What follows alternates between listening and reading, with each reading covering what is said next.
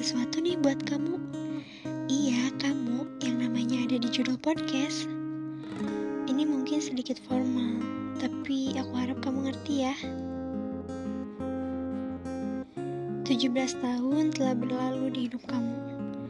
Aku harap kamu tetap berjuang dan jangan pernah mengeluh.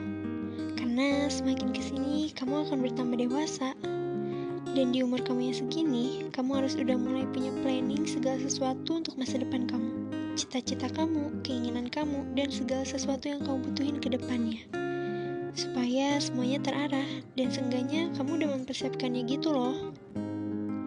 Aku harap apa yang kamu harapkan, apa yang kamu cita-citakan, dapat terkabul dengan perjuangan kamu yang sungguh-sungguh. Amin.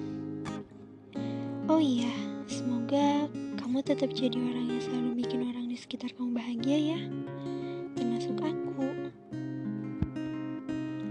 Aku juga mau ngingetin kamu sesuatu. Kamu harus tetap melangkah ke depan dan jangan memandang masa lalu kamu di belakang. Karena di masa yang akan datang, cerita sesungguhnya kamu baru dimulai dari detik ini. Kamu emang gak akan bisa masa lalu kamu. Tapi kamu bisa tata kembali masa depan kamu supaya menjadi lebih baik lagi.